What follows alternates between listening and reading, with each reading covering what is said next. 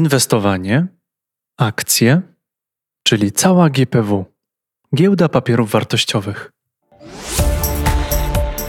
Escola Mobile. Biznes masz w kieszeni.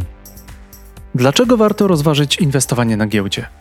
Czy można nie płacić podatku od dywidendy i zysków z akcji? Jak zostać inwestorem i czy warto być ambasadorem spółki? Zainwestowałem w spółkę na etapie crowdfundingu. Co teraz? Na te i wiele innych pytań dotyczących giełdy odpowiadamy w serii podcastów o inwestowaniu przygotowanych wspólnie z Fundacją GPW.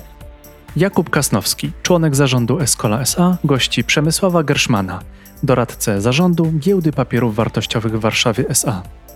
Podcasty Escola, zrealizowane wspólnie z Fundacją GPW, to pigułka wiedzy dla wszystkich, którzy chcą zostać inwestorem giełdowym, ale również dla tych, którzy nimi zostaną poprzez wejście na giełdę firmy, której są już akcjonariuszami, na przykład poprzez crowdfunding.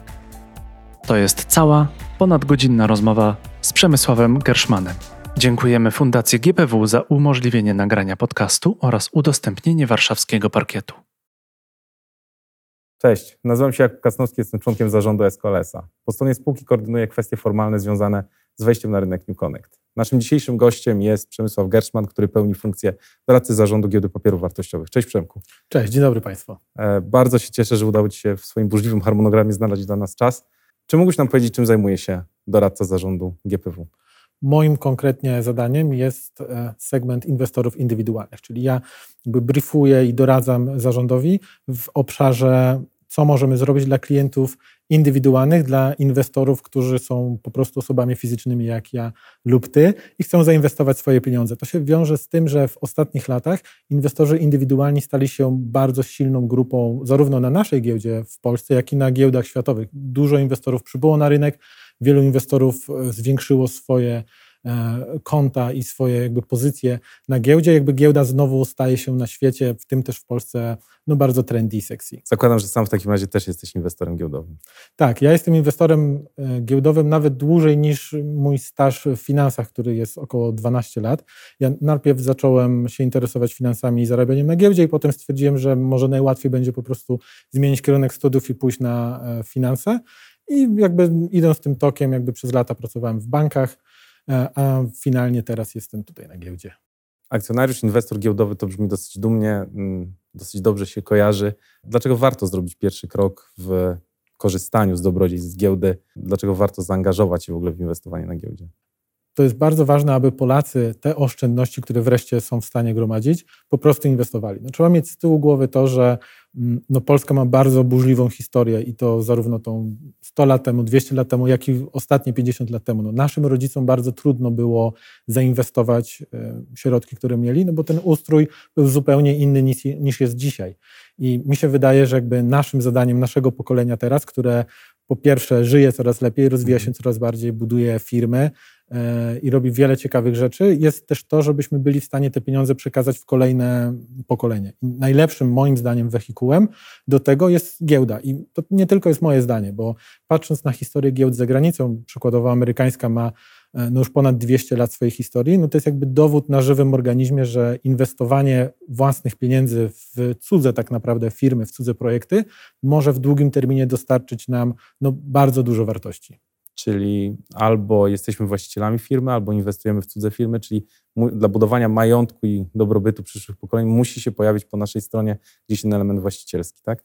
Dokładnie tak. I dzięki giełdzie ja mogę stać się współwłaścicielem praktycznie no, każdej dużej firmy na świecie. Tak? No, mhm. Gdybym zadzwonił do Marka Zuckerberga i powiedział, że chce z nim robić jakiś biznes, pewnie by się nie zgodził, a ja bym się w ogóle do niego nie dodzwonił. Choć może gdybym się dodzwonił, to może by się zgodził. Tak? Ale ja mogę kupić udziały w jego firmie i mogę to zrobić z poziomu telefonu jakby szybciej niż w 30 sekund. Tak? I to, to jest jakby ta podstawowa rzecz, którą inwestorzy muszą zrozumieć, że inwestowanie to tak naprawdę nie tyle spekulacja ceną, żeby kupić coś o 2 zł 10 czy, czy 500 zł e, taniej, a potem sprzedać to drożej. Jakby chodzi tu o to, żeby być współwłaścicielem biznesu i rozwijać się razem z tym biznesem, niekoniecznie musząc na niego pracować. Ja zawsze lubię porównywać rynek giełdowy do rynku nieruchomości i mm, często jest tak, że właściciele nieruchomości w ogóle nie sprawdzają, jaka jest wycena ich nieruchomości na rynku, ile jest metr w danym miejscu, tylko sprawdzają, czy ten czynsz, który im wpływa co miesiąc, czy wpływa i czy pokrywa wszystkie koszty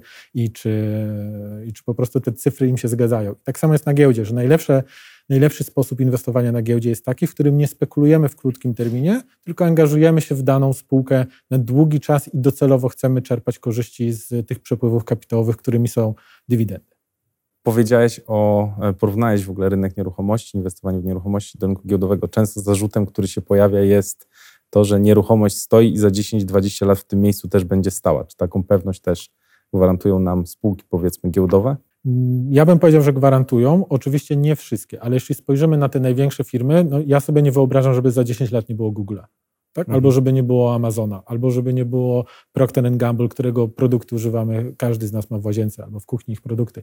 Więc jest wiele firm o bardzo ugruntowanej pozycji, jak choćby Coca-Cola. Na pewno za 10 lat będę pił Coca-Colę, nie wyobrażam sobie innej. Prawdopodobnie sytuacji. o trochę zmodyfikowanym składzie. To, to prawda, tak? ale gdzieś ta firma na pewno będzie istniała, że jest bardzo wiele biznesów, które oczywiście mogą zniknąć z powierzchni Ziemi, ale jest to bardzo mało prawdopodobne. Tak? Zwłaszcza, że często są to firmy, które mają bardzo długą historię i ja tutaj kolejny raz nawiązuję do oczywiście rynku amerykańskiego, tylko dlatego, że no, Polska ma skróconą historię właścicielską, dlatego że raz, że mieliśmy obie wojny, które jakby resetowały wszystko, a dwa, mhm. że po II wojnie światowej no, mieliśmy taki ustrój, w którym de facto nie można było mieć własności, własności prywatnej. Mhm.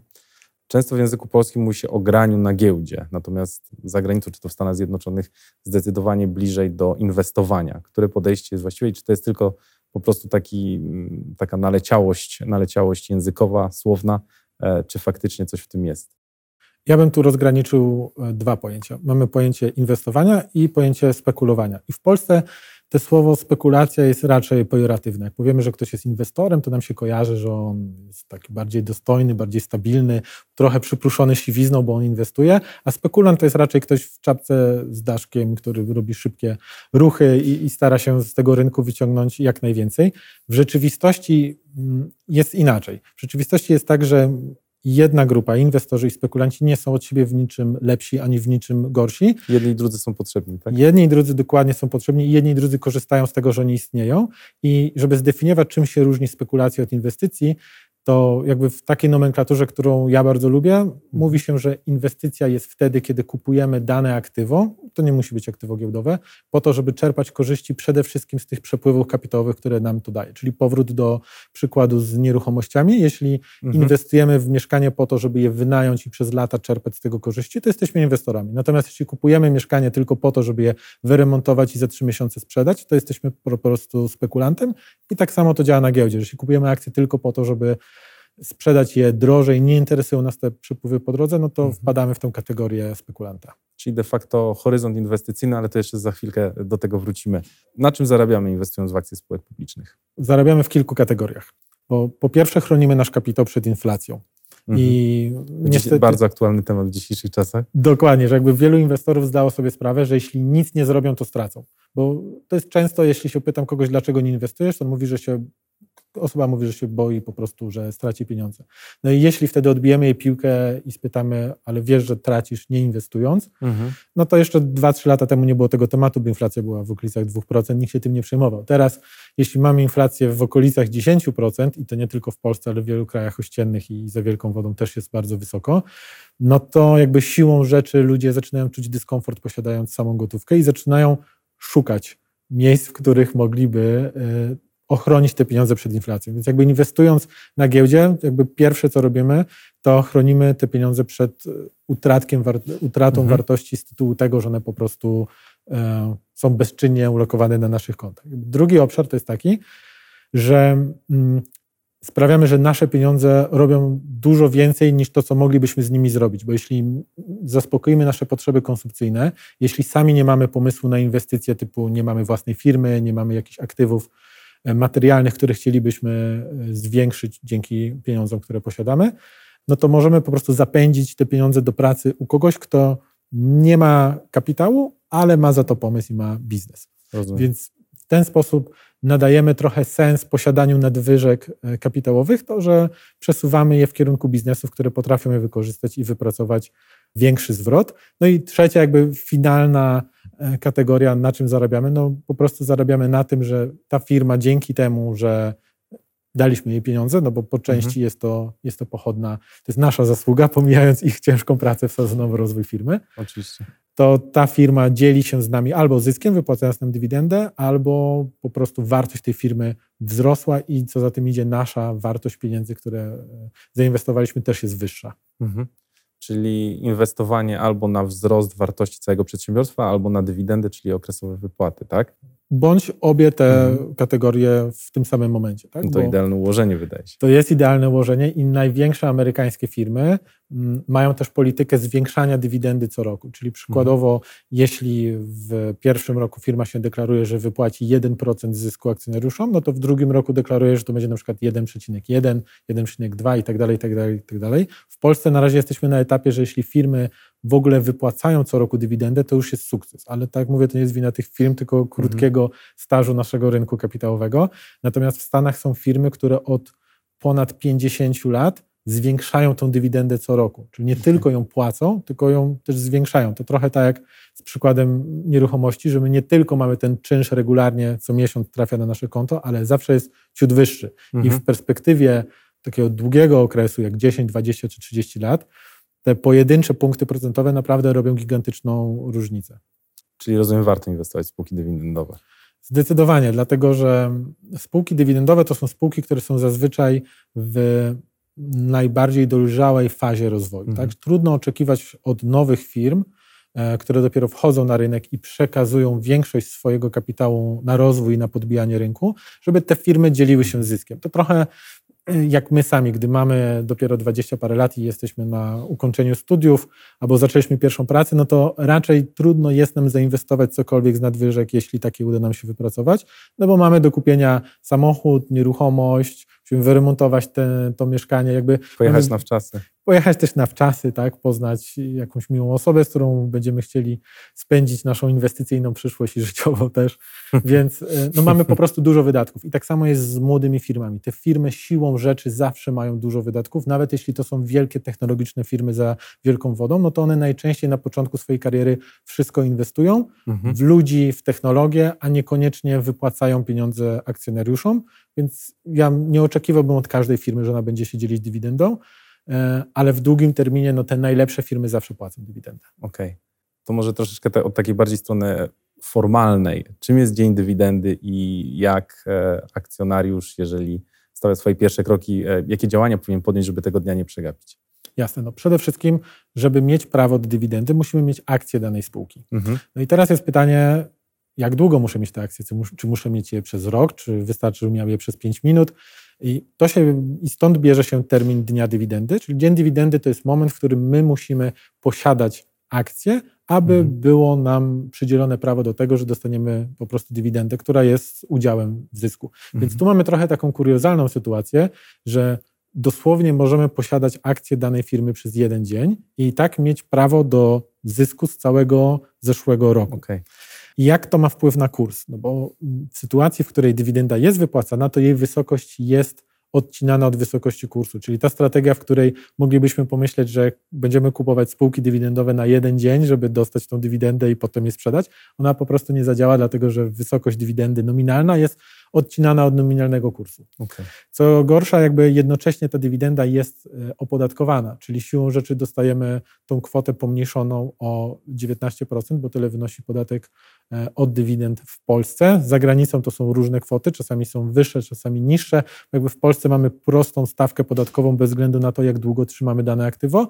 Natomiast na przykład w Stanach, w zależności od tego, czy trzymamy je rok, dwa, trzy czy więcej, to są różne progi e, podatkowe.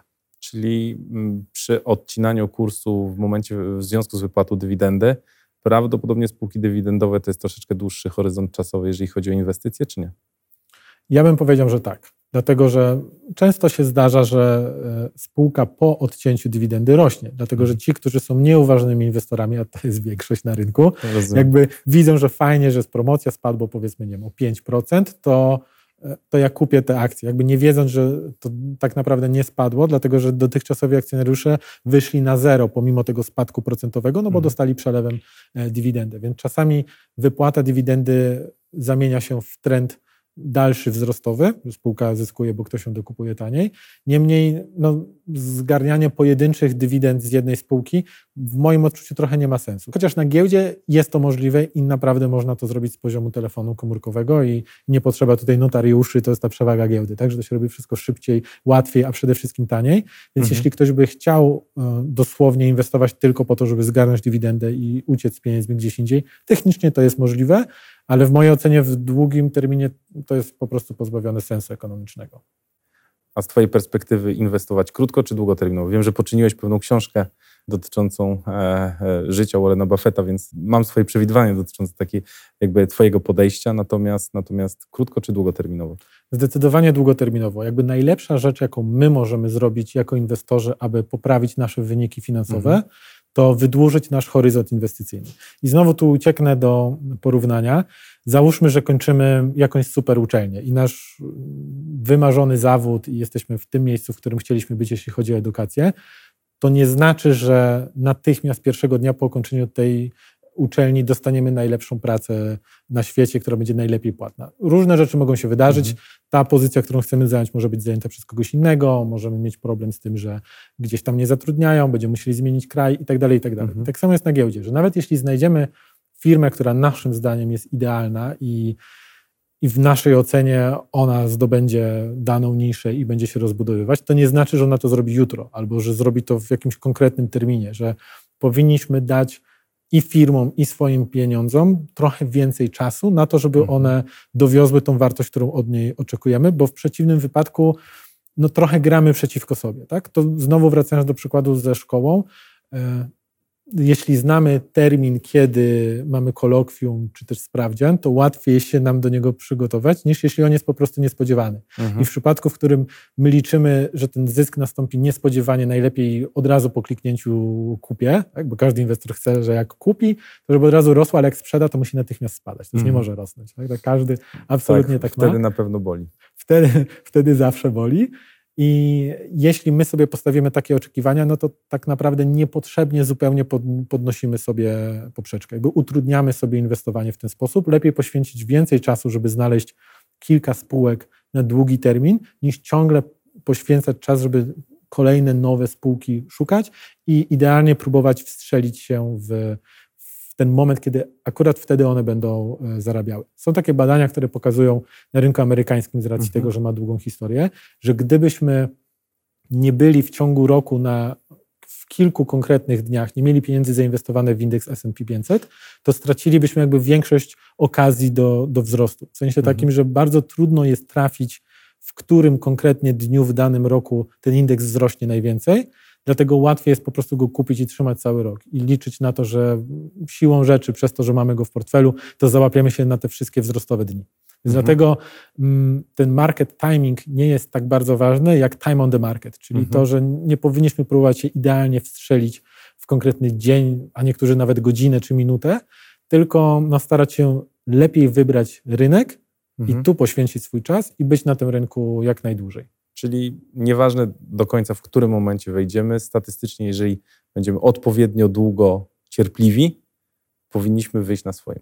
Tak, jeśli patrzymy na szeroki rynek, tak? bo to Mhm. jakby nie, nie do końca dotyczy się pojedynczych spółek, ale jeśli popatrzymy na szeroki rynek, to dokładnie tak to wyglądało na giełdzie amerykańskiej, która ma dwustuletnią historię, że wystarczyło być cierpliwym Mhm. e, i przez długi czas jakby dawać samemu sobie i swoim pieniądzom szansę, niż próbować wejść i wyjść, wejść i wyjść. No rozumiem. Czyli długoterminowa strategia. Ostatecznie Warren też był cierpliwy 70 lat na giełdzie i nadal długie pozycje, czy nie? takim największym inwestorem na świecie obecnie, takim najbardziej szanowanym, no i też jednym z najbogatszych jest Warren Buffett, który Mhm.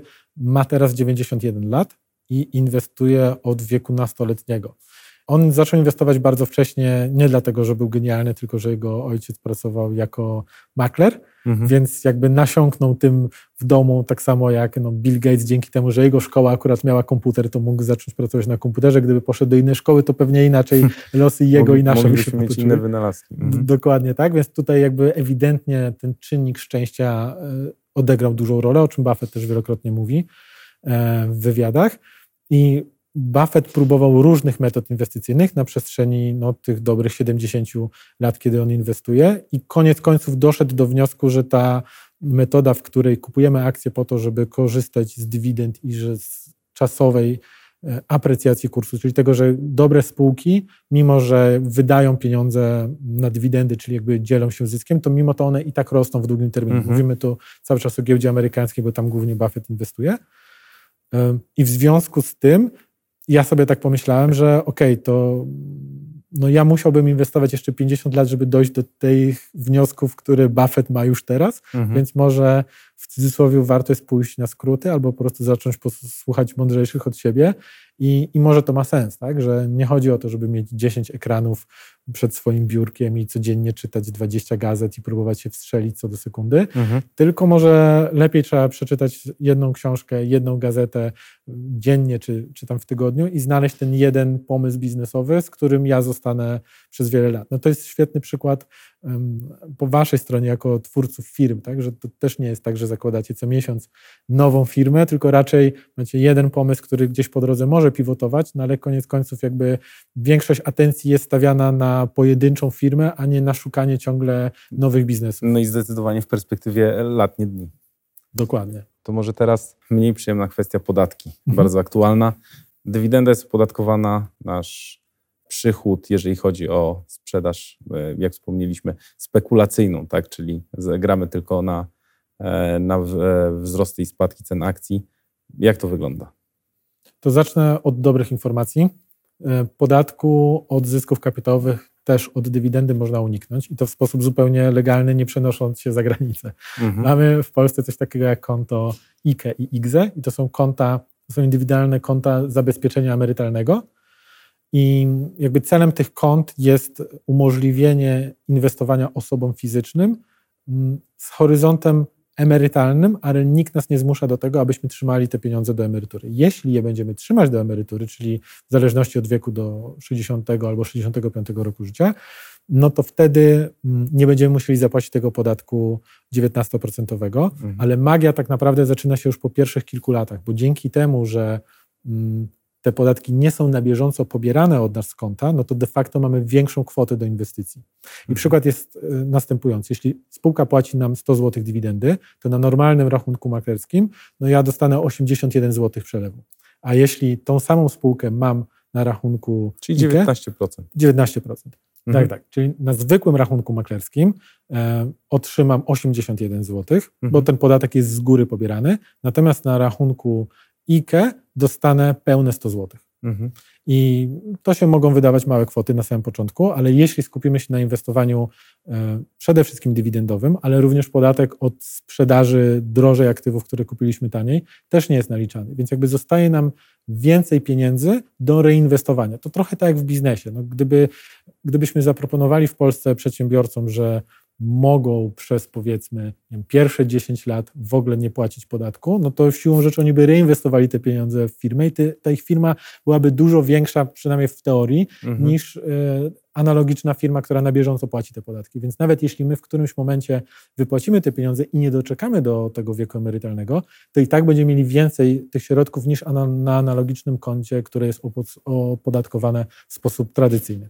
Więc warto na pewno się zainteresować tymi kontami. Te konta mają limity wpłat rocznych i na ten moment jest to w okolicach 17 tysięcy złotych, więc to jest taka kwota maksymalna, którą można wpłacić w danym roku na te konto i to ten limit zwiększa się z roku na rok, bo on jest związany z, ze średnią płacą w Polsce. Więc ja wraz z tym, że ona rośnie, ona rośnie, bo też mamy inflację, więc raczej w kolejnym roku też będzie A wyższa. moment wypłaty moment wypłaty z tych rachunków, naszych zysków, owoców naszej.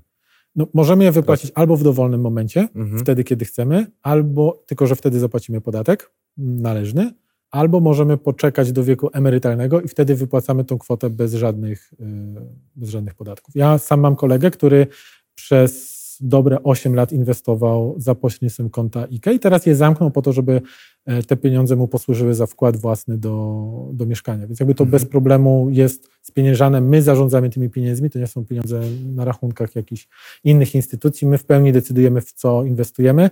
E, Możemy inwestować w rynek New Connect, możemy inwestować w rynek główny, nie możemy inwestować w kontrakty terminowe. To, Mhm. jest, to jest jedyne e, obostrzenie. Możemy inwestować w ETF-y, fundusze, więc naprawdę e, ten wybór jest szeroki. Natomiast jeśli ktoś nie chce inwestować w ten sposób, no to musi się liczyć z tym, że no te podatki będą płacone. I w przypadku dywidendy m, to jest tak, że jest to podatek ryczałtowy, który jest naliczany z góry.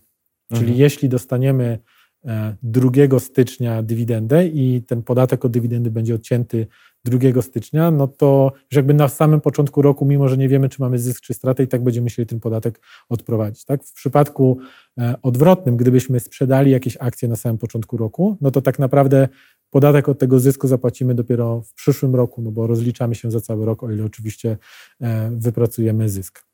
Mhm. Tu jeszcze bym dodał, że szczególną uwagę należy zwrócić w przypadku inwestycji zagranicznych, bo wtedy oprócz e, naszego krajowego podatku dochodzi nam jeszcze e, podatek za granicą, który tam też częściowo musimy zapłacić i jeszcze do tego dochodzi nam e, różnica kursu walutowego, Mhm. bo zgodnie z prawem jakby musimy liczyć nasz zysk albo stratę w odniesieniu do średniego kursu NBP, Mhm. a nie do tego, po ile my kupiliśmy dolara albo euro. Bo ja może kupiłem dolara za 2,50 lata temu, Mhm. ale mm, no to nie jest podstawa do, do opodatkowania. Tą podstawą będzie kurs e, średni z NBP z dnia poprzedniego, e, w- poprzedzający dzień zakupu akcji. Więc jakby sytuacja trochę się komplikuje pod kątem podatkowym, jeśli inwestujemy e, za granicą, dlatego ja zawsze zachęcam, żeby zacząć od inwestycji w Polsce i koniecznie przez konto IKE, bo wtedy odchodzi Mhm. nam na bok temat podatków, przynajmniej na najbliższe lata, albo zależy jaki to ma horyzont inwestycyjny,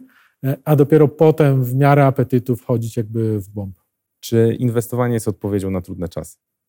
Myślę, że tak. No, trzeba liczyć się z tym, że w sytuacji, w której przybywa nam aktywów, to musimy o te aktywa dbać. To nie jest tak, że mając środki na koncie, już możemy sobie odpuścić i się skupić na swojej działalności zawodowej. Tak jak sobie wcześniej już powiedzieliśmy, no mamy inflację, więc musimy zarówno dbać o aktywa czysto gotówkowe, żeby one nie traciły na inflacji i lokować je gdzieś, gdzie przy niskim ryzyku możemy uchronić się przed negatywnym wpływem inflacji, jak i wszystkie nasze inwestycje, bez względu na to, czy to będą dzieła sztuki, samochody kolekcjonerskie, czy może nieruchomości, no one też wymagają jakiejś opieki z naszej strony. Mhm. Ja bym powiedział, że giełda e, i ogólnie rynek kapitałowy jest takim bardzo dobrym miejscem do trzymania pieniędzy w przypadku ciężkich czasów, dlatego że wszystkie te aktywa e, są w bardzo taki tani i prosty sposób ulokowane. W sensie takim, że jeśli chcemy sprzedać albo kupić nieruchomość, no wiąże się to z całym procesem, który nie trwa kilka sekund ani kilka minut, tylko z racji częściowej niewydolności sądów on może nawet trwać miesiące. Tak? O, Tak, zdecydowanie. Pomijając jakby Zdecydowanie. temat kosztów, tak? bo to też się wiąże z kosztami. W przypadku posiadania mm, aktywów na rynku kapitałowym, takich jak choćby akcje, no przede wszystkim nikt nam tego nigdy nie ukradnie. Mamy Krajowy Depozyt Papierów Wartościowych, który jest tą organizacją, która ma zapisane, że akurat ja posiadam akcje danej spółki w danej wysokości i to wszystko tam jest zapisane. I nawet Mhm. gdyby coś się wydarzyło na samej giełdzie, no to KDPW jest no takim można powiedzieć głównym miejscem, gdzie to wszystko jest y, zapisane i mamy pewność, że no, nikt nam tych akcji nigdy nie ukradnie. I Okej. to wbrew pozorom jest dla wielu osób bardzo ważne, tak? no bo wspomniany samochód kolekcjonerski ktoś, nas, ktoś nam może ukraść, rozbić i tak dalej, a każda akcja jest taka sama, nie ma gorszych albo lepszych akcji i ta unifikacja sprawia, że no faktycznie moim zdaniem jest to takie najlepsze aktywo do budowania tej części majątku w długim terminie, tak, że bez problemu możemy akcje przekazać naszym dzieciom, ktoś może je po nas odziedziczyć, możemy je trzymać przez wiele lat, nic nie, płacą, nie płacąc za ich utrzymanie, tak, bo posiadanie akcji w portfelu nie wiąże się z żadnymi kosztami, a wiele takich aktywów w świecie realnym... Akcja, akcja nie woła jeść. Dokładnie, nie woła jeść, więc nawet jak traci, to można, można ją trzymać, nic nas to, nic nas to nie kosztuje. E, Natomiast w przypadku wielu takich aktywów materialnych no, są dodatkowe koszty związane z ich utrzymaniem, renowacją i tak. Czyli mm, pomnażanie majątku na giełdzie daje swoistą niezależność w perspektywie e, czasu, to znaczy pracujemy, zarabiamy, czy będziemy niezależni w ogóle za 10-20 lat, czy jednak właśnie reinwestowanie części, części z tych przychodów może jednak pomóc nam w, niezale- w uzyskaniu takiej niezależności, pewnej swobody. Czyli taki model, który ja staram się y, zawsze promować, to jest model, w którym jesteśmy inwestorami indywidualnymi, ale nie na pełen etat. Czyli nie Mhm. musimy tak jak ja pójść pracować do banku, do biura maklerskiego, czy też tu na giełdę, ale zajmujemy się swoim biznesem, swoim zawodem, swoimi pasjami, tym, co nas w życiu najbardziej interesuje i to, w czym jesteśmy y, dobrzy i budujemy naszą wiedzę na temat rynku kapitałowego i inwestujemy w w cudzysłowie i dosłownie po godzinach. Znaczy robimy to w weekend, robimy to w piątek przez dwie godziny, raz w tygodniu, albo może raz w miesiącu, albo raz na kwartał. Jakby wybór tych instrumentów giełdowych jest tak szeroki, że no nie musimy śledzić tej giełdy cały czas. I ja wychodzę z założenia, że każdy, kto wie już mniej więcej, co chce robić w życiu i co więcej robi to, czyli już faktycznie zarabia pieniądze, Mhm. no może odkładać część swojego majątku na to, żeby go inwestować. Wiadomo, że część musi być tą poduszką bezpieczeństwa, część musi pójść na innego typu aktywa, ale część e, z naszych e, dochodów możemy po prostu lokować na rynku kapitałowym. Mhm. I tu są dwa ważne aspekty. Po pierwsze, to jest bardzo ważne, żebyśmy zwiększali, żebyśmy zarabiali więcej po prostu, tak? No bo zakładam, że jeśli zarabiam 100 tysięcy rocznie i odkładam 10% gdzieś na rachunku maklerskim, no to jak będę zarabiać 10 milionów rocznie, no to też odłożę 10% albo nawet więcej procent, dlatego że no może niekoniecznie moje koszty życia będą rosły tak szybko jak, jak moje zarobki. Przynajmniej każdy z nas by tak chciał, bo jakby z wielu milionerów, którzy zbankrutowali, tak? Mhm. E, więc... Najwięcej wśród, zwycięzców różnych loterii, tak? Tak, to prawda. No jest, są nawet takie badania, że jakby wielu z tych zwycięzców traci kompletnie te pieniądze bardzo szybko. No i często te sportowcy mają z tym problem, że Tak. w sytuacji, w której Tak. odniosą mega sukces, nie są przygotowani na te wszystkie miliony i, i po tym, jak już wykupią każdy fajny samochód, który chcieli mieć, nagle się okazuje, że nie ma za co zatankować. Pojawiają się koszty, a nie inwestycje. Dokładnie tak. Więc y, warto pamiętać o tym, żeby te kwoty w miarę tego, jak my więcej zarabiamy, po prostu zwiększać nadal w granicach jakby naszego poziomu bezpieczeństwa, tego, jak my się z tym czujemy. E, Również pieniądze, które udało nam się zarobić, no warto jest reinwestować. To wiadomo, że jest taki idealny scenariusz, w którym jesteśmy rozważną osobą, która nie inwestuje za dużo, e, ani nie inwestuje bardzo spekulacyjnie, w sensie takim, że nie, nie oczekuje bardzo szybkich i bardzo wysokich Mhm. e, wyników. Ale prawda jest taka, że no, spekulantem nie może być każdy zdecydowanie, ale moim zdaniem inwestorem może być każdy. Tak? Każdy, kto ma nadwyżki kapitału, może w długim terminie je inwestować na giełdzie i co najważniejsze, je reinwestować, bo dzięki temu jesteśmy w stanie z małych kwot, chociażby z tych kwot, o których mówiliśmy w przypadku IKE, czyli około 17 tysięcy Mhm. rocznie, to z tych małych kwot w perspektywie no, kilku lat, nawet nie kilkudziesięciu, ale kilku lat jesteśmy w stanie naprawdę zarobić spore pieniądze, bo ten procent składany będzie działać na naszą korzyść. Okej, czyli taka inwestowanie na giełdzie mm, jest swoistą policją na przyszłość?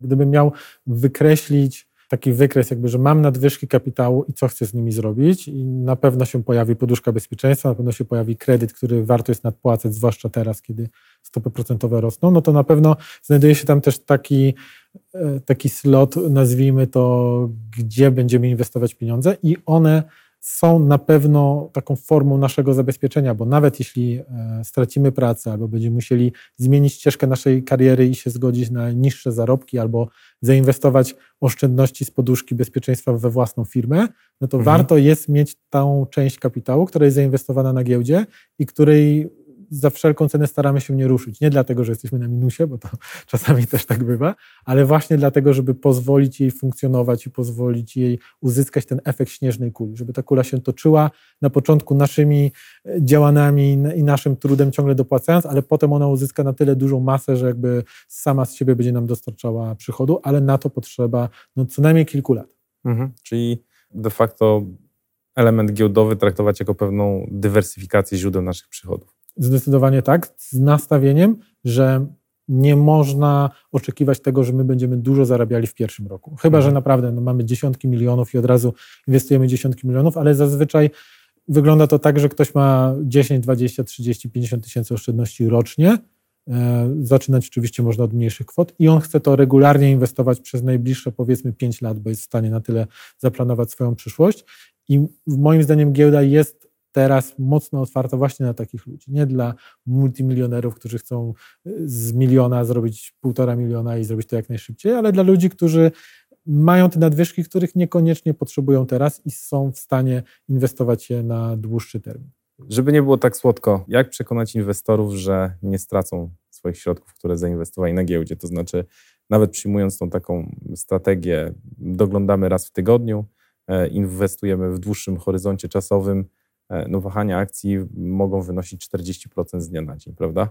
Jak teraz w ogóle się do tego, e, jakby do tego odnieść, jak nie spanikować? Sprawdzamy te notowania rzadziej. Jak zachować zimną krew w takiej sytuacji?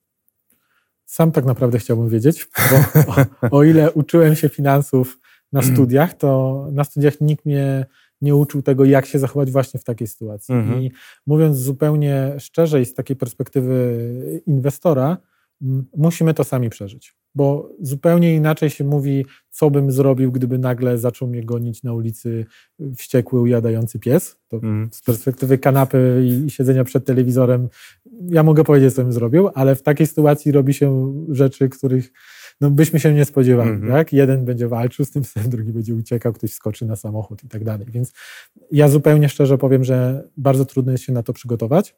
Mhm. E, trzeba to po prostu przeżyć na własnej skórze.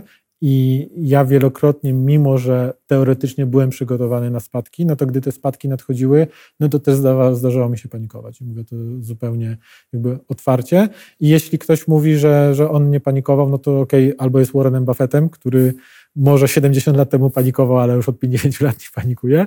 No, albo tak naprawdę nigdy nie spotkał się z taką dużą korektą, bo jakby Mhm. w naszej ludzkiej naturze no, jest Uciekamy, jak jest źle. Dokładnie tak. No mamy to gdzieś zapisane w głowie. Tak, że jeśli Mhm. goni nas pies, to my w pierwszej kolejności zaczniemy uciekać, a nie staniemy do walki z nim, chyba że idziemy z dzieckiem Mhm. albo z żoną, no to wtedy trochę to inaczej działa. W przypadku giełdy to znowu najczęściej są to nasze prywatne oszczędności, więc my chcemy wtedy uciekać, po prostu je zabrać przed niebezpieczeństwem, więc musimy być na to gotowi.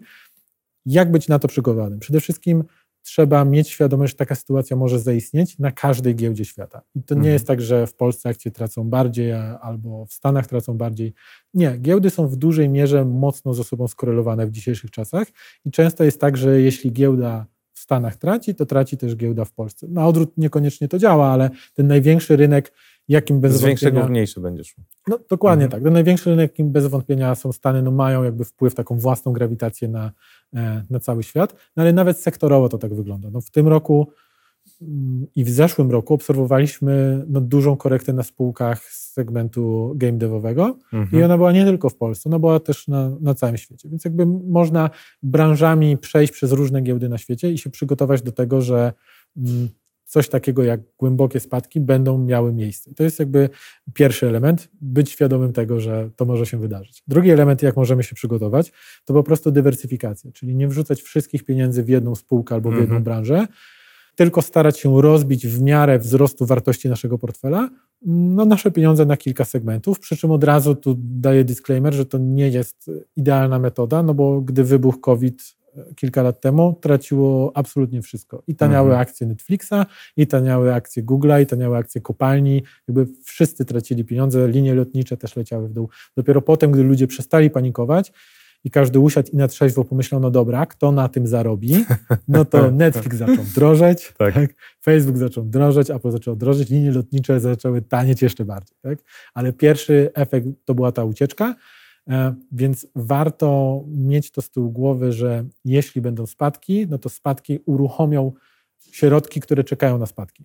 Trzeba jakby spróbować przewidzieć kilka kroków do przodu i tak też było w przypadku no, tych spadków, które były, były wywołane COVID-em. Tak też mieliśmy na początku tego 2022 roku, gdzie ta branża technologiczna dużo straciła, ale Mhm. teraz jesteśmy w trakcie sezonu wynikowego i już widzimy, że niektóre spółki takie jak Apple czy Alphabet pokazały tak dobre wyniki, że znowu te firmy, które są bardzo dużymi firmami, potrafią zyskiwać w ciągu dnia 5-9%, tak? co Mhm. nie, jest, nie jest normalne. No nie powinny aż tyle zyskiwać, no ale w związku z tym, że się mocno przeceniły jakiś czas temu, to teraz wzrastają. Jakby mówię o tym dlatego, żeby mieć tą świadomość, że są chwile, kiedy dany biznes, nawet jeśli jest bardzo dobrym biznesem, po prostu musi tanieć na giełdzie. Fajnym Mhm. przykładem od Warrena Buffetta jest przykład schroniska górskiego. Jeśli mamy schronisko górskie, jesteśmy właścicielami i co roku przyjeżdżają do nas turyści i, i zarabiamy pieniądze dzięki tym, że oni wydają tam swoje e, pieniądze przeznaczone na wakacje,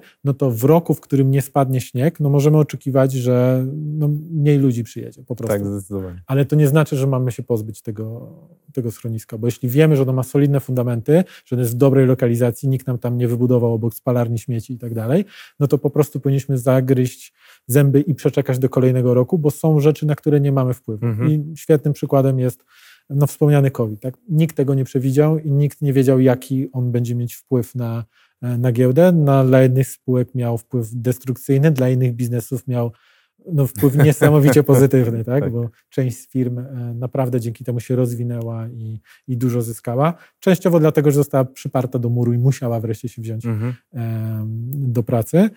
Więc no, patrząc na biznes długoterminowo, nie tylko chodzi o to, żeby siedzieć z zaciśniętymi pięściami i, i, i, w, i w bólu Co- czekać. Codziennie, codziennie sprawdzać, Do, codziennie dokładnie sprawdzać. tak, ale bardziej, żeby trochę spojrzeć perspektywicznie, że ok, jeśli w tym roku nie spadł śnieg, no to po prostu przeczekam ten jeden rok, nie ma co się pozbywać tych akcji i w tym czasie próbować zamienić je na, na akcje firmy, gdzie śnieg spadł, no bo to, to nie ma sensu. Tak? Trzeba Rozumiem. po prostu przeczekać i być gotowy na to, że takie spadki mogą być. Dywersyfikacja częściowo nam w tym pomoże, ale też nas nie, nie uchroni kompletnie od tego, że, że te spadki nastąpią. I ostatnia rada w kontekście radzenia sobie ze spadkami, no to inwestowanie tylko takich kwot, z którymi czujemy się komfortowo. Do tego chciałem właśnie nawiązać. Ja, ja nie jestem zwolennikiem tej tezy, że żebyśmy inwestowali pieniądze, które jesteśmy gotowi stracić, bo ja mogę stracić złotówkę, ale 100 tysięcy nie chciałbym stracić, ani Mhm. miliona, a ja chcę mieć milion na rachunku maklerskim. Nie chcę mieć złotówki, bo trochę szkoda czasu, żebym się bawił w inwestowanie złotówki, więc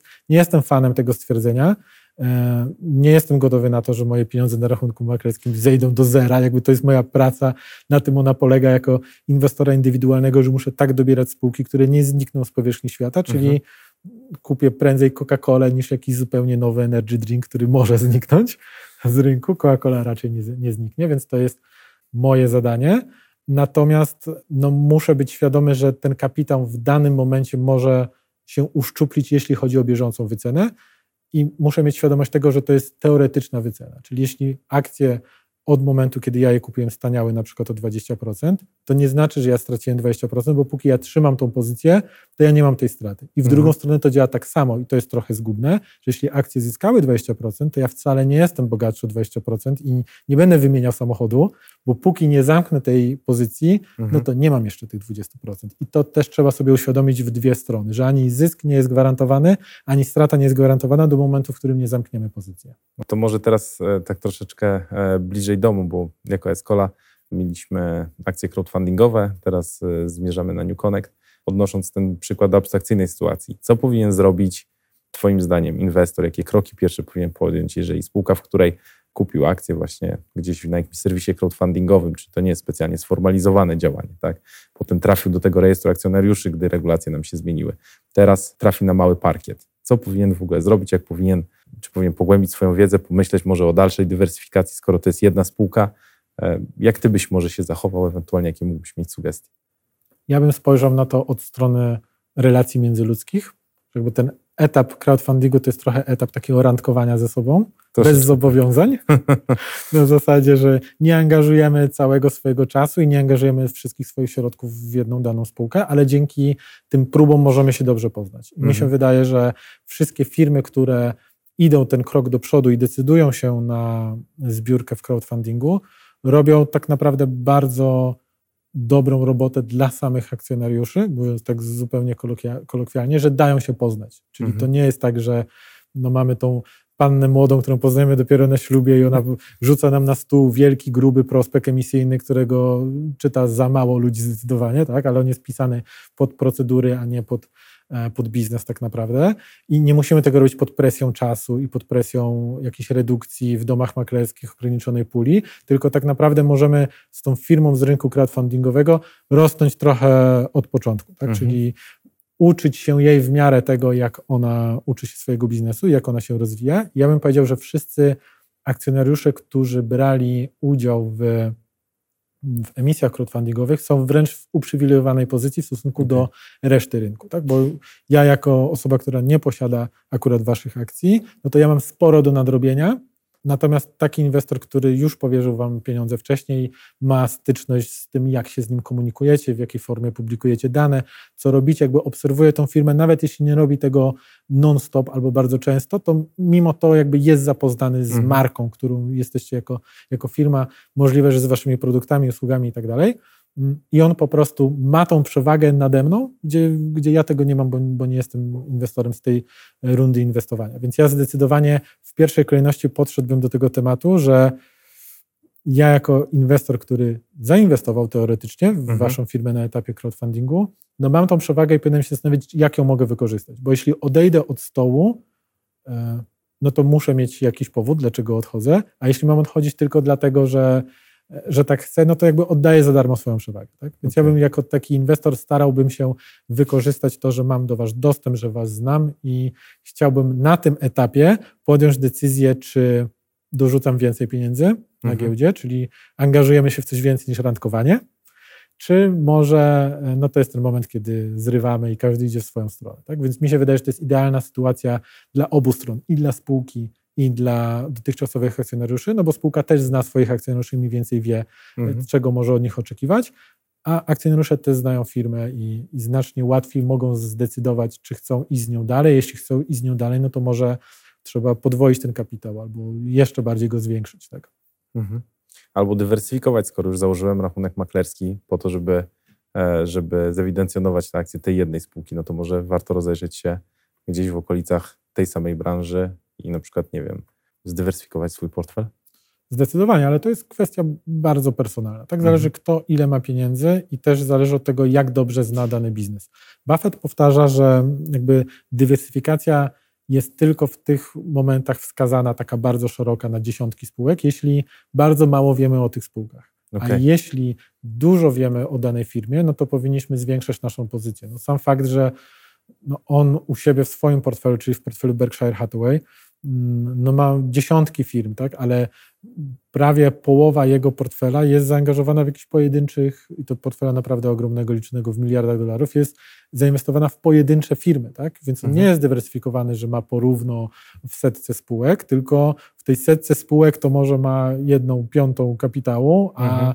reszta jest podzielona w kilka bardzo konkretnych firm, na które on w miarę upływu czasu stawiał coraz więcej, coraz więcej, coraz więcej, no bo jakby wiedział, że to jest to, tak? Poznawał tą firmę coraz lepiej i wiedział, że ta wspominana wcześniej Coca-Cola to jest ten drink, który wszyscy będziemy pić, bo jak Buffett kupował akcje Coca-Coli, to były lata 80., no i dobrze założył, że ta Coca-Cola będzie trwała cały czas. Tak, Tak, zresztą to teraz sam pije, jeden z największych ambasadorów marki, prawda? do, dokładnie tak. No, to, też jest, to też jest bardzo ciekawy temat, jeśli chodzi o akcjonariuszy, którzy stają się ambasadorami marki. I to jest taki trend, który w Stanach rozwija się coraz szybciej. W, Polsce, w Polsce on nadal raczkuje, ale wydaje mi się, że on jest taką przyszłością. Tak? Że w Mhm. sytuacji, w której ja mam akcję Coca-Coli, no to to jest naturalne, że wybiorę Coca-Colę, a nie Pepsi. Jeśli mam akcję McDonalda, to raczej nie jadam w KFC. Jeśli mam akcję Forda, no to jeżdżę Fordem. Co więcej, jest wiele programów za granicą, które premiują swoich akcjonariuszy Okej. zniżkami. Przykładowo w Stanach można kupić Forda Mustanga trochę taniej, jeśli ma się akcję Forda. E, W Polsce mamy przykład takiego programu w Orlenie, gdzie posiadając odpowiednią liczbę akcji Orlenu, tankujemy taniej o kilka groszy na stacji. I to jest takie budowanie z jednej strony więzi akcjonariuszy z firmą, ale też mm, zatrudnianie w cudzysłowie samych akcjonariuszy, którzy stają się e, Ambasadorami ambasadorami marki. I jeśli ktoś ze mną jedzie samochodem, to ja tankuję tylko na Orlenie i nie zatankuję na BP, dlatego że mam tam akcję i mam tam trochę taniej. I podobnie jest z kupowaniem produktów. Jeśli ktoś ma buty danej firmy, która jest na giełdzie, no to zupełnie inny jest związek jego z, z danym produktem, jeśli jest jego współwłaścicielem, jeśli chodzi o firmę, nawet jeśli to są jakieś pojedyncze ułamki procenta. To jest zupełnie inne podejście wtedy. W kontekście relacji inwestorskich, jak korzystną sytuacją jest, jeżeli inwestorzy, akcjonariusze danej spółki są ambasadorami e, jej marki? To w ogóle jest idealna sytuacja, zarówno i dla firmy, jak i dla samych akcjonariuszy. Jeśli ja korzystam często z produktów danej firmy. Na przykład jestem fanem Apple'a i mam i iPhone'a, i MacBooka, jeszcze jakieś inne urządzenia, no to przynajmniej moim prywatnym zdaniem, no chciałbym też mieć udziały w tej firmie, jeśli uważam, że ona jest e, no, warta i moich pieniędzy, i mojego czasu. Jeśli jadam w jakiejś restauracji, ona jest moją ulubioną siecią restauracji, no to też chciałbym być jej współwłaścicielem. Nawet jest to dla mnie korzystniejsze o tyle, że dzięki temu, że będę korzystał z produktów danej firmy, no siłą rzeczy będę wiedział coś więcej niż te suche cyfry, które są podawane w sprawozdaniach e, finansowych. Więc zdecydowanie taki model, w którym akcjonariusz jest jednocześnie konsumentem mm, i korzysta z produktów albo usług danej firmy, jest, jest takim modelem idealnym. Wiadomo, że nie zawsze jest to możliwe. Jakby trudno, żebym ja się stał klientem KGHM-u i korzystał na masowym wydobyciu e, kopalni z podziemia albo wielu innych biznesów, które nie prowadzą tej relacji e, B2C. E, ale jeśli mamy taką możliwość, to zdecydowanie powinniśmy z niej korzystać. Po drugiej stronie są firmy, które też dużo skorzystają na tym, jeśli ich klienci będą akcjonariuszami, a akcjonariusze będą klientami, bo z jednej strony bardziej wiąże się taka osoba z firmą, no bo mhm korzysta z produktów, e, jest akcjonariuszem, więc jeśli ma akcje danej firmy, to będzie też chętniej korzystała z produktów danej firmy. To to jest jakby pierwszy aspekt. Drugi aspekt jest taki, że no zyskujemy taką długoterminową, długofalową relację, czyli jeśli w przyszłości chcielibyśmy zrobić emisję akcji albo wciągnąć jakiegoś pracownika e, z zewnątrz do naszej firmy, no to znacznie łatwiej będzie nam to zrobić, jeśli ta osoba po drugiej stronie będzie znała nasze produkty albo nasze usługi. Mhm. Więc jakby zdecydowanie jest tu pełna synergia. W Stanach Zjednoczonych nawet są takie programy, które no wprost premiują um, osoby, które posiadają nasze akcje mhm. I możemy przykładowo w Stanach kupić Forda Mustanga taniej, jeśli jesteśmy akcjonariuszami Forda. W Polsce możemy taniej zatankować, jeśli mamy odpowiednią ilość akcji Orlenu, więc u nas w kraju jest to jeszcze dosyć raczkujący e, model, ale rozwija się bardzo szybko i na pewno my jako giełda będziemy chcieli wspierać E, ten model i te firmy, które zdecydują się na dodatkowe benefity dla swoich akcjonariuszy. Mhm. E, jakby kwestia lojalności akcjonariusza jako klienta w ogóle firmy przy produktach to jest jedna sprawa. My, jakby nasze doświadczenie było troszeczkę takie, że poprzez akcje crowdfundingowe de facto byliśmy dosyć blisko naszych akcjonariuszy, bo to jest relatywnie mało sformalizowany proces w chwili obecnej. Na pewno no, no, nie można tego porównać z wejściem na główny parkiet. E, I teraz w momencie, kiedy mm, Escola trafia na ten mały parkiet New Connect, e, czy to pośrednictwo różnych instytucji, e, domu maklerskiego, giełdy nadal pozwala na zachowanie takiej relacji i polecanie na przykład tych usług jako bezpośrednich korzyści dla samej osoby polecającej? To dużo zależy od woli zarządu, ile mhm. Ona chce, na ile zarząd chce poświęcić czas na, na nawiązywanie takich relacji, na pewno warto i też wiele zależy od samych akcjonariuszy, bo docelowo najlepiej by było, żeby akcjonariusze wiedzieli jak najwięcej o danej spółce, ale to też się wiąże z tym, że muszą mieć tam odpowiednio więcej kapitału w nią ulokowaną, no bo jeśli mamy 100 spółek zainwestowane małe kwoty, to czasowo nie damy radę tego zrobić. Więc jeśli spółce uda się e, związać kluczowych akcjonariuszy ze swoją firmą i przekuć ich jakby na takich naturalnych ambasadorów, e, czy to biznesowych, czy, czy takich po prostu fizycznych, e, to zdecydowanie będzie to z korzyścią dla wszystkich, a giełda częściowo to wręcz ułatwia, dlatego że akurat w Waszym przypadku no wy przeszliście tą ścieżkę crowdfundingową i wiecie, jak rozmawiać z akcjonariuszami, ale wiele firm zaczyna. No, widać cały, to po naszej cały, rozmowie. Cały, cały, czas się uczymy, natomiast oczywiście. Mhm. No, wiele firm e, tak naprawdę dopiero się uczy tego w momencie, w którym jest już na giełdzie i nagle się dowiaduje, że tam są jacyś współwłaściciele i że oni mogą zadzwonić z pytaniem i w sumie wypadałoby, żebyśmy im odpowiedzieli, więc można powiedzieć, że firmy takie jak wasza już mają odrobioną tą pracą, pracę domową i mają jakby takie pierwsze praktyki za sobą, a nie jest tak, że po prostu przychodzicie i, i dowiadujecie się tego wszystkiego e, nagle, więc zdecydowanie macie tutaj w tym przewagę wy, jak i każda firma crowdfundingowa.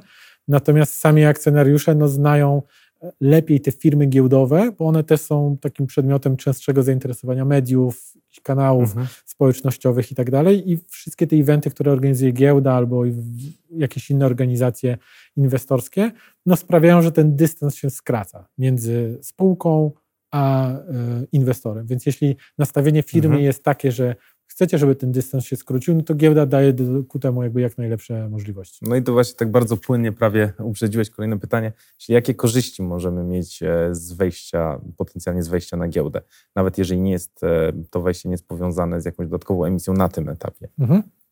E, Korzyści jest dla samej spółki kilka rodzajów. Jakby pierwsza korzyść taka niematerialna to jest korzyść jakby wizerunkowa. To, że firma jest publiczna wiąże się z obowiązkami i z kosztami, ale miałem mówić o, o korzyściach.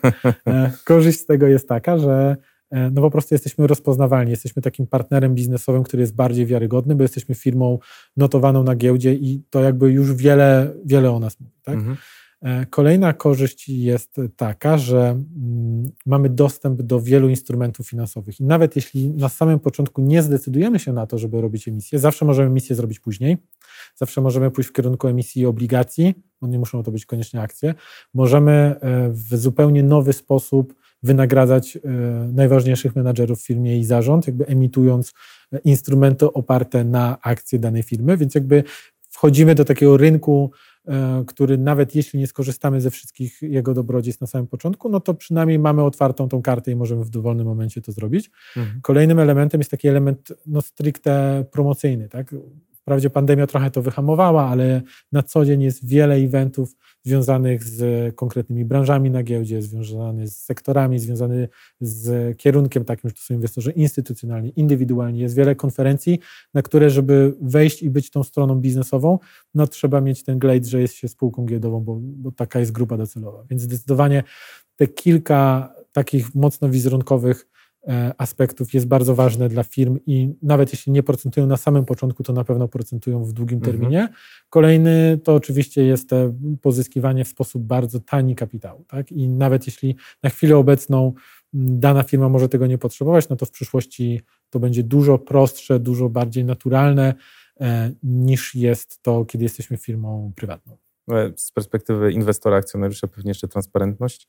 Zdecydowanie transparentność. No, sam fakt, że możemy w dość łatwy sposób dotrzeć do zarządu, to nie znaczy, że musimy mieć do nich telefon, ale przynajmniej te relacje inwestorskie gdzieś tam zawsze na stronie internetowej się świecą i możemy mm, spróbować zapytać o coś przedstawicieli firmy, więc patrząc zupełnie od strony inwestorskiej, na pewno ten dostęp, na pewno to, że mm, no to są realne osoby, oprócz tego, że jest nazwa firmy z końcówką SA, są tam jakieś konkretne osoby, które w jakiejś części swoją karierą, swoją reputacją świadczą o tej firmie Mhm. i ta wyższa wiarygodność to jest coś, co jest bardzo ważne na rynku. Jakby mówi się od wielu, wielu lat, że zaufanie jest tą, tą walutą, czy to na giełdzie, czy nawet w takich relacjach biznesowych, czy, czy osobistych, a to, że jest się spółką notowaną na giełdzie, to w oczach inwestorów i też wielu kontrahentów jest od razu takim bonusem do zaufania do nas samych jako firmy notowanej, więc zdecydowanie tak. Mówiąc o 40% spadkach i konieczności zachowania zimnej głowy, od razu pojawia się skojarzenie z popularnym rynkiem kryptowalut. Tutaj wahania są bardzo duże. Niewątpliwie trzeba się uzbroić w cierpliwość.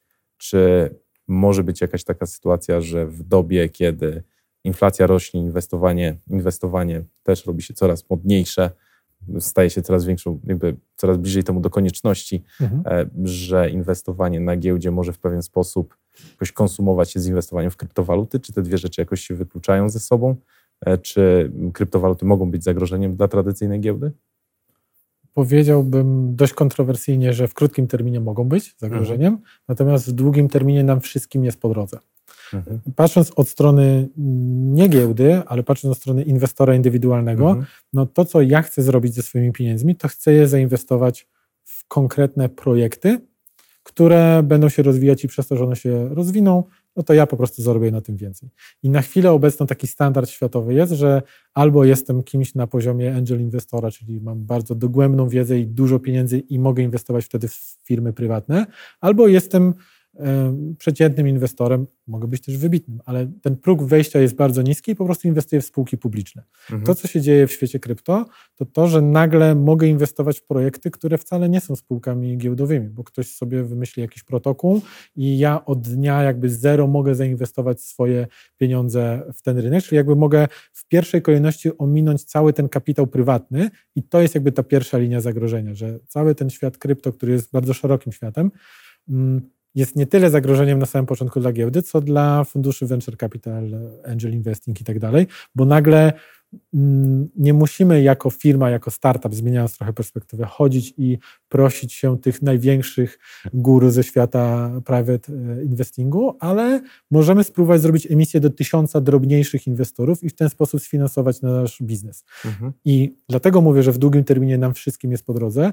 dlatego że ta firma czy ten projekt, który zyska takie globalne finansowanie na fali hypu, który jest teraz, że jakby znacznie łatwiej ludzie wydają w internecie pieniądze na e, jakieś pojedyncze JPG, pojedyncze grafiki, niż na firmę, na giełdzie, no bo na giełdzie tam muszę mieć prospekt i muszę go czytać i, i, i muszę mieć i KNF i jakby całą tą procedurę, natomiast tutaj jak widzę fajny JPEG, to szybciej klikam, ale to jest duży benefit dla samych firm, no bo one dzięki temu mogą znacznie szybciej się rozwijać. Nie muszą od dnia zero brać jakichś pożyczek albo chodzić i sprzedawać części swojej firmy konkretnym pojedynczym inwestorom, ale mogą jakby użyć takiego turbo doładowania inwestowania w społecznościowego, czyli to znowu troszeczkę podgryza ten rynek crowdfundingowy, troszeczkę podgryza tych inwestorów e, private equity, a na samym końcu ja sobie tak to wyobrażam, że jakby te ścieżki giełdy i rynku krypto trochę się ze sobą schodzą, dlatego że te firmy, które zyskają już tak dużą masę,